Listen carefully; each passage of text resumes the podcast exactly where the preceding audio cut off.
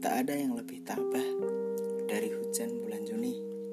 Dirahasiakannya rintik rindunya kepada pohon berbunga itu. Tak ada yang lebih bijak dari hujan bulan Juni. Dihapusnya jejak-jejak kakinya yang ragu-ragu di jalan itu. Tak ada yang lebih arif dari hujan bulan Juni. Dibiarkannya yang tak terucapkan diserap akar pohon bunga.